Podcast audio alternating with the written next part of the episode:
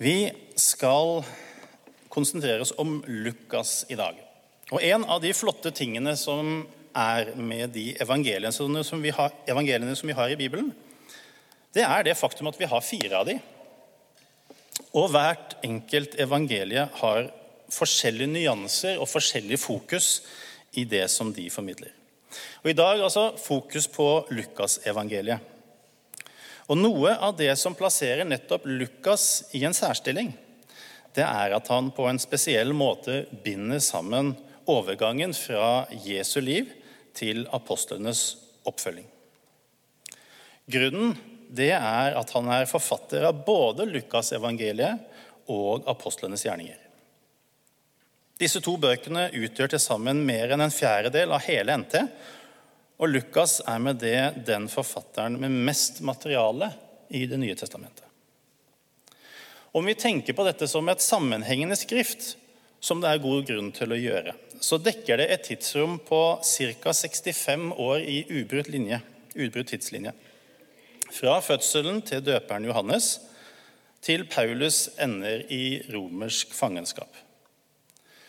Lukasevangeliet er også det evangeliet med mest eget materiale. Det er mer enn 40% av innholdet som vi ikke finner i noen av de andre evangeliene. Lukas selv, derimot, han vet vi lite om. Vi vet at han var en lege, og vi vet at han var sammen med Paulus på flere av misjonsreisene hans. Ut ifra de såkalte vi-passasjene som vi finner i apostlenes gjerninger, når han bruker altså vi-begrepet om eh, når Paulus var ute og reiste. Og vi vet at han var ikke-jødisk. En hedning, altså, sånn som oss. Begge bøkene som han har skrevet, de innledes dessuten med en hilsen til gode Theofilos, en annen hedning som vi vet lite om, men som vi er svært takknemlige for. Det er jo han det er adressert til. Og siden bøkene er skrevet av hedninger for hedninger, om du vil, så er mange arameiske begrep forklart underveis. Vi kan derfor trygt kalle både Lukasevangeliet og apostlenes gjerninger som skrevet spesielt for oss som er hedninger. Når vi skal dykke litt ned i teksten her nå, så er det vel så mye fra apostlenes gjerninger som fra Lukasevangeliet jeg har henta stoff ifra.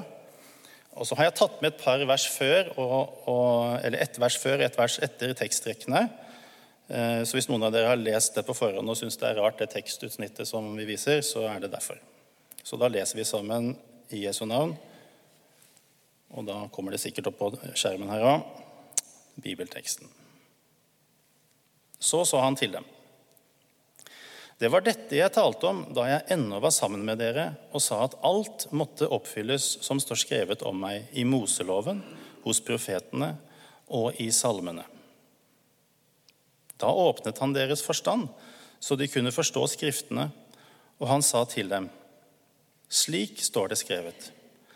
Messias skal lide og stå opp fra de døde tredje dag, og i hans navn skal omvendelse og tilgivelse for syndene forkynnes for alle folkeslag. Dere skal begynne i Jerusalem. Dere er vitner om dette.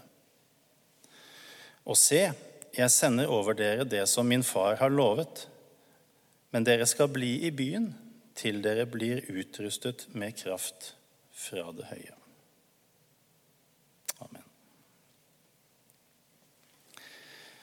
Dette er det nest siste avsnittet i Lukas-evangeliet.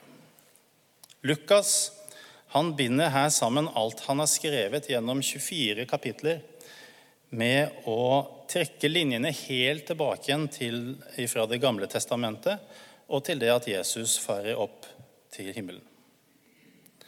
Dette er Lukas' sin versjon av misjonsbefalingen. Den som vi kjenner så godt fra Matteusevangeliet meg er gitt all makt, osv. Og Lukas han er like klar i sin formidling som Matteus er i forhold til mandatet. For hvem gjelder evangeliet for? Alle folkeslag. Det er altså ikke, eh, det er altså ikke sagt bare til disiplene, disse ordene, men de er sagt til alle kristne gjennom alle tider. Og høydepunktet, klimakset, det viktigste for Lukas å formidle, det er dette. I hans navn skal omvendelse og tilgivelse for syndene forkynnes. Det å fullføre spredningen av det fantastiske og grensesprengende evangeliet som dette er, det er det vi er kalt til. Og du hørte riktig nå. Vi er kalt til. Ikke bare de som har reist ut som misjonærer, eller skal reise ut. Alle og befalingen står også over alle ting som vi blir bedt om å ha fokus på som menigheter. Undervisning og utleggelse i Guds ord på en sunn måte. Deltagelse i kristne fellesskap. Bønn. Tilbedelse og lovprisning gjennom sang og musikk. Diakonale tjenester osv. Alt dette er flott. Det er fint. Vi skal gjøre det. Det er til oppbyggelse, og det er viktig. Men om vi gjør alt det, men forsømmer å fortelle andre om at de også er invitert, at de også har fått tilgivelse, da jobber vi ikke for Guds mål, dere. Vi har fått i oppgave å spre budskapet om tilgivelse for syndene. Og så vil Jesus han vil kalle på, og han vil søke sine til omvendelse gjennom Den hellige ånd. Derfor er det så viktig for Lukas her i avslutningen på evangeliet å få brakt denne stafettpinnen videre. Sånn at vi som er kristne nå i dag, også følger opp på samme måte. At vi bringer evangeliet videre igjen til nye generasjoner, slik som Lukas og de første apostlene gjorde det. Og Nå tror jeg de fleste her vet at jeg er ingen sportsidiot. Men det å se på stafetter det kan være spennende, selv for meg. Og Spesielt hvis man tenker seg en friidrettsstafett hvor de løper 200 meter eller 400 meter, for eksempel, hvor det går skikkelig unna. Men det er sjelden det skjer så mye krøll akkurat i selve løpet. Når de løper hver for seg, da går det stort sett greit for seg. Men i vekslingene, da kan det fort gå i ball. Og gjør det det, så får det store konsekvenser. Blir det kluss der, så, så kan både farten og rytmen for nestemann bli helt ødelagt, og seieren avgjøres der og da. Og i overført betydning så er det noen ting som det er viktig for oss å huske på når vi overtar stafettpinnen fra de som var før oss, og så sender vi den videre til de som kommer etter oss, for at vekslingen skal bli god.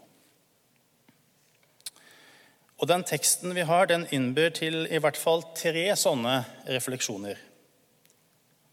Den første det er om evangeliets fundament. Det andre det er hva evangeliet skaper. Og det tredje det handler om evangeliets grenser. Og Vi skal se på det første først. da. Evangeliets fundament, det er bibelsk, og det er historisk. Vi holder på nå med å lese gjennom årsbibelen. Og vi jobber oss gjennom mange bøker som vi nok ikke har så stort forhold til i vår tid, ifra Det gamle testamentet spesielt. da. Og Da er det viktig for oss å forstå og legge merke til nettopp det som Jesus sa nå i teksten. For han sa til dem Det var dette jeg talte om da jeg ennå var sammen med dere, og sa at alt måtte oppfylles som står skrevet om meg i Moseloven, hos profetene og i salmene. Da åpnet han deres forstand, så de kunne forstå Skriftene. For jødene og de aller første kristne så var det selvsagt umulig å lese i Det nye testamentet, for det var jo ikke skrevet ennå. Men skulle de komme til tro og bli overbevist til å bli, krist, til å bli kristne, så måtte det være på grunn av, ikke på tross av, at, de det gamle, at det de leste i Det gamle testamentet, ga mening.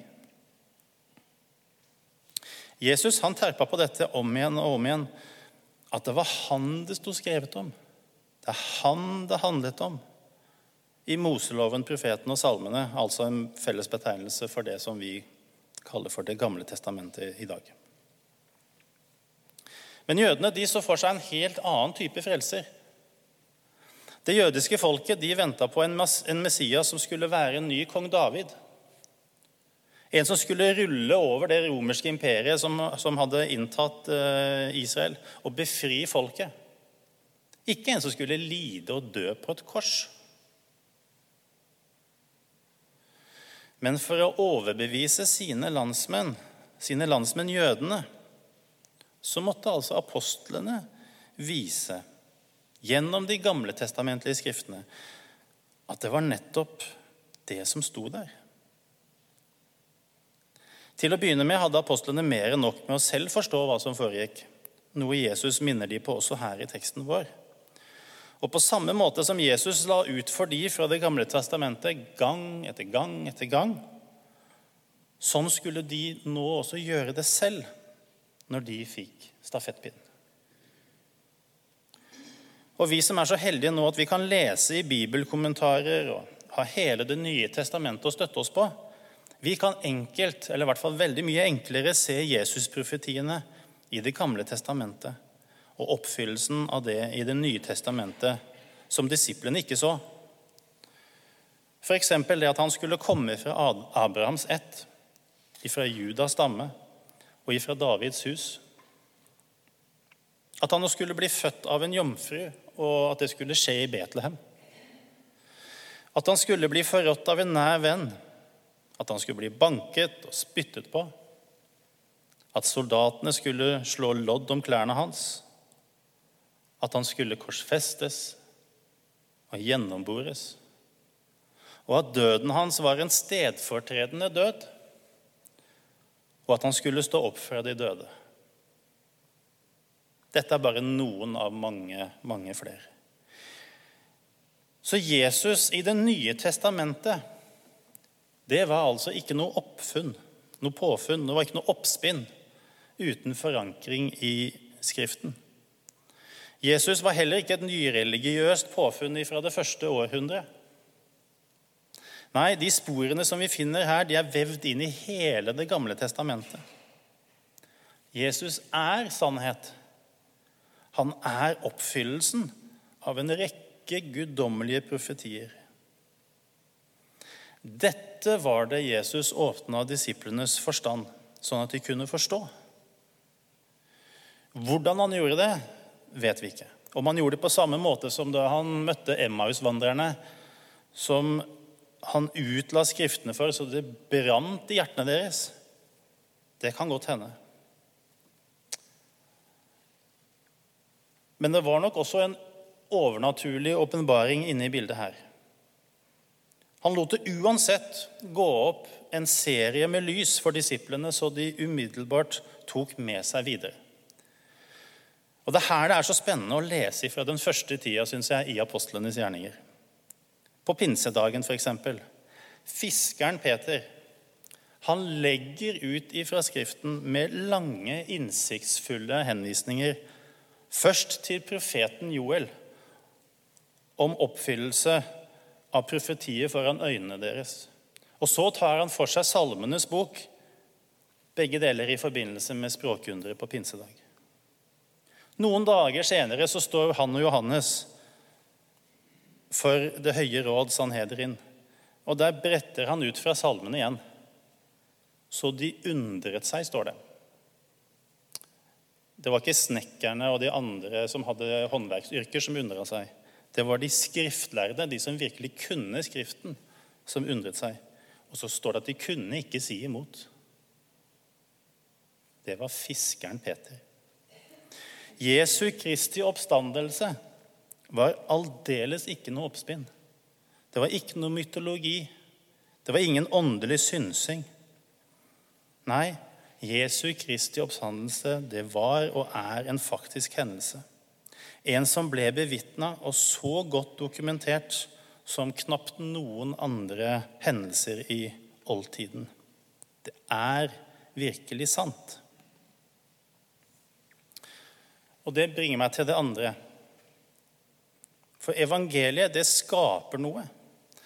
Det skaper forvandling i menneskers liv. Slik står det skrevet, sa Jesus. Messias skal lide og stå opp fra de døde tredje dag, og i hans navn skal omvendelse og tilgivelse for syndene forkynnes for alle folkeslag. Hva er det ved evangeliet som skaper forvandling? Hvorfor er det så viktig å tro akkurat det som Jesus sa nå? At han døde og sto opp igjen den tredje dagen. Det er det som er selve grunnlaget for at omvendelse og tilgivelse for synd kan forkynnes i hans navn. Som jeg nevnte til å begynne med, så er det overordna budskapet i Lukas det er at han vil formidle tilgivelse for dine synder og for mine synder. At de allerede er kjøpt og betalt med Jesu blod. Tilgivelse av synd eller for synd, det er et konstant tema gjennom hele Lukasevangeliet. Allerede i første kapittel, når eh, vi hører profeten Zakaria profetere om at døperen Johannes skal gå foran Jesus for å rydde veien og gi hans folk å kjenne frelsen når deres synder blir tilgitt. Og siden finner vi det igjen mange ganger. F.eks. når Jesus sier til den lamme mannen, 'Venn, syndene dine er deg tilgitt.' Og til den syndige kvinnen litt seinere, 'Syndene dine er tilgitt'. Han lærte til og med disiplene og oss å be 'tilgi oss vår synd'. Og han ba på korset, 'Far, tilgi dem', for de vet ikke hva de gjør. På pinsedag så ser vi allerede hvordan apostlene tar opp tråden her og har forstått viktigheten av å forsyne det. Peter sier til mengden i apostelgjerningene 2.: Vend om og la dere døpe i Jesu Kristi navn, hver og en av dere, så dere kan få tilgivelse for syndene. Og litt senere, når han er i Kornelius sitt hus, så sier Peter om, han, om ham vitner alle profetene og sier at alle som tror på ham, skal få tilgivelse for syndene ved hans navn. Dette er gjennomgangstonen vi finner hele veien i apostelgjerningene. Omvend dere, få tilgivelse. Omvendelse, tilgivelse. Det er to sider av samme mynt på et vis. Men du kommer ikke til tilgivelsen før du har erkjent synden i ditt eget liv. Den hellige ånd gir oss heldigvis innsikt i det. Peter han fikk det åpenbart i Kornelius sitt hus da han begynte å tale Guds ord der. Og Den hellige ånd kom over forsamlingen sånn som de selv hadde fått lov å oppleve det på pinsedag. Og Den holdningen til omvendelse som vi finner her i apostelgjerningene, er den samme som vi finner hos Jesus i bergprekten. Å være omvendt, det er å være klar over sin egen åndelige konkurs. Det er å se sin egen skrøpelighet Å klage over sin egen åndelige utilstrekkelighet. Og så er løftet til deg og til meg, vi som ser det slik, at Gud vil tilgi syndene dine. Og det gjør han fordi Jesus allerede har gjort opp for all synd. All synd. Det budskapet er det som forvandler mennesker. Og det gjør det også i dag. Men for hvem? Og det er det tredje punktet mitt. For evangeliet, det har ingen grenser. For alle folkeslag. Dere skal begynne i Jerusalem, fikk disiplene høre. Og se, jeg sender over dere det som min far har lovet. Men dere skal bli i byen til dere blir utrustet med kraft fra det høye. Det gamle testamentet det forteller nemlig ikke bare at Messias skulle lide og dø, og at tilgivelse for synd skulle kunne tilsies i hans navn. Det står også at alle folkeslag skal få det fortalt. Og nå er det ikke så lenge siden når vi leste i årsbibelen, at vi var innom Salomos tempel, innvielsen av det, hvor Salomo ber denne bønnen. Det kan også hende at fremmede som ikke hører til ditt folk Israel, kommer fra et land langt borte for ditt navns skyld.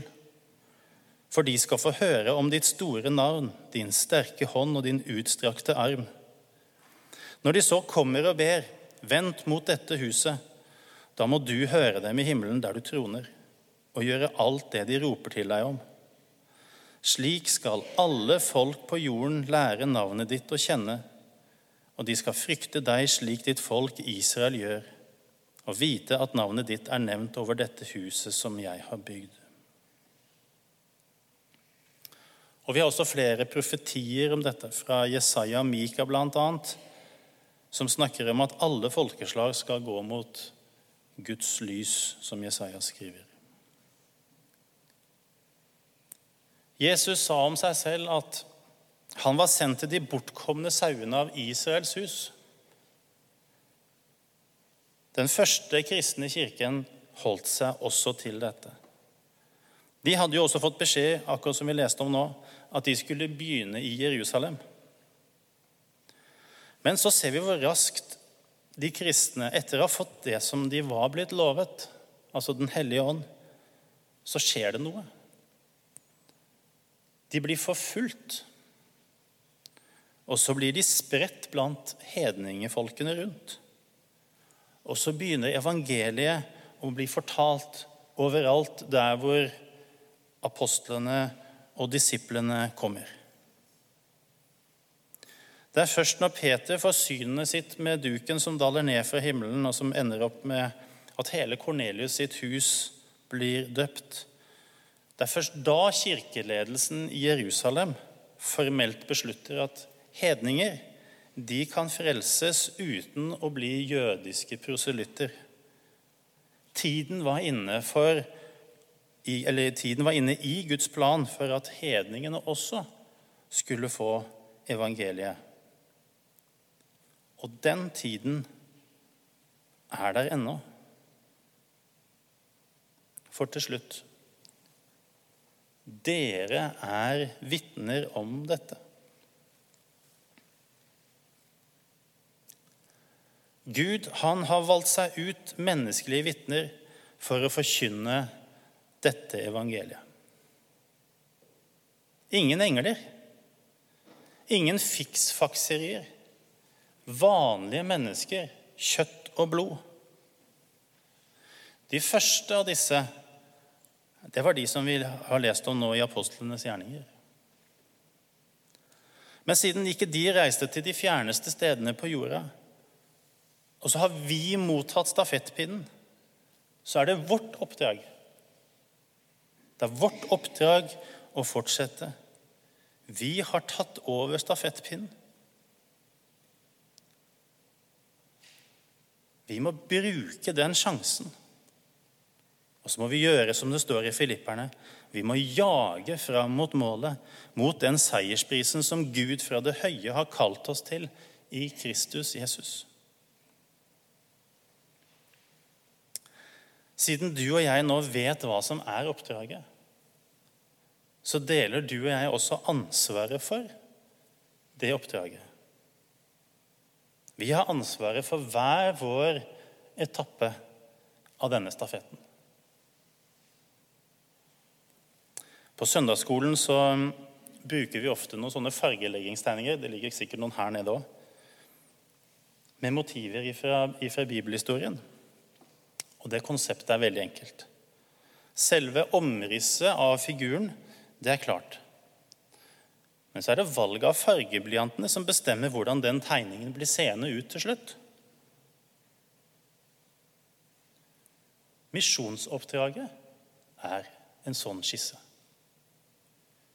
Det er helt klart hva vi skal gjøre. Og vi, alle vi som er her, vi er fargeblyantene som kan la oss lede og brukes av Den hellige ånd. Og vi er alle ansvarlige. Og selv om vi bare setter noen få sånne fargetoner langt oppe i nord i den store verdensvide misjonsskissa, så la oss i det minste sette farge der. Der hvor vi er. Med de feil og de mangler som vi har. For vi er vitner om dette. Skal vi be?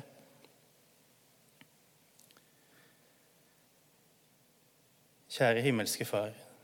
Takk at du har gitt oss ditt hellige evangelium. Du har forklart det for oss. Du har latt oss få lov å bade i ordet ditt i mange år her på Ryen. La oss få lov å fortsette med det, Jesus.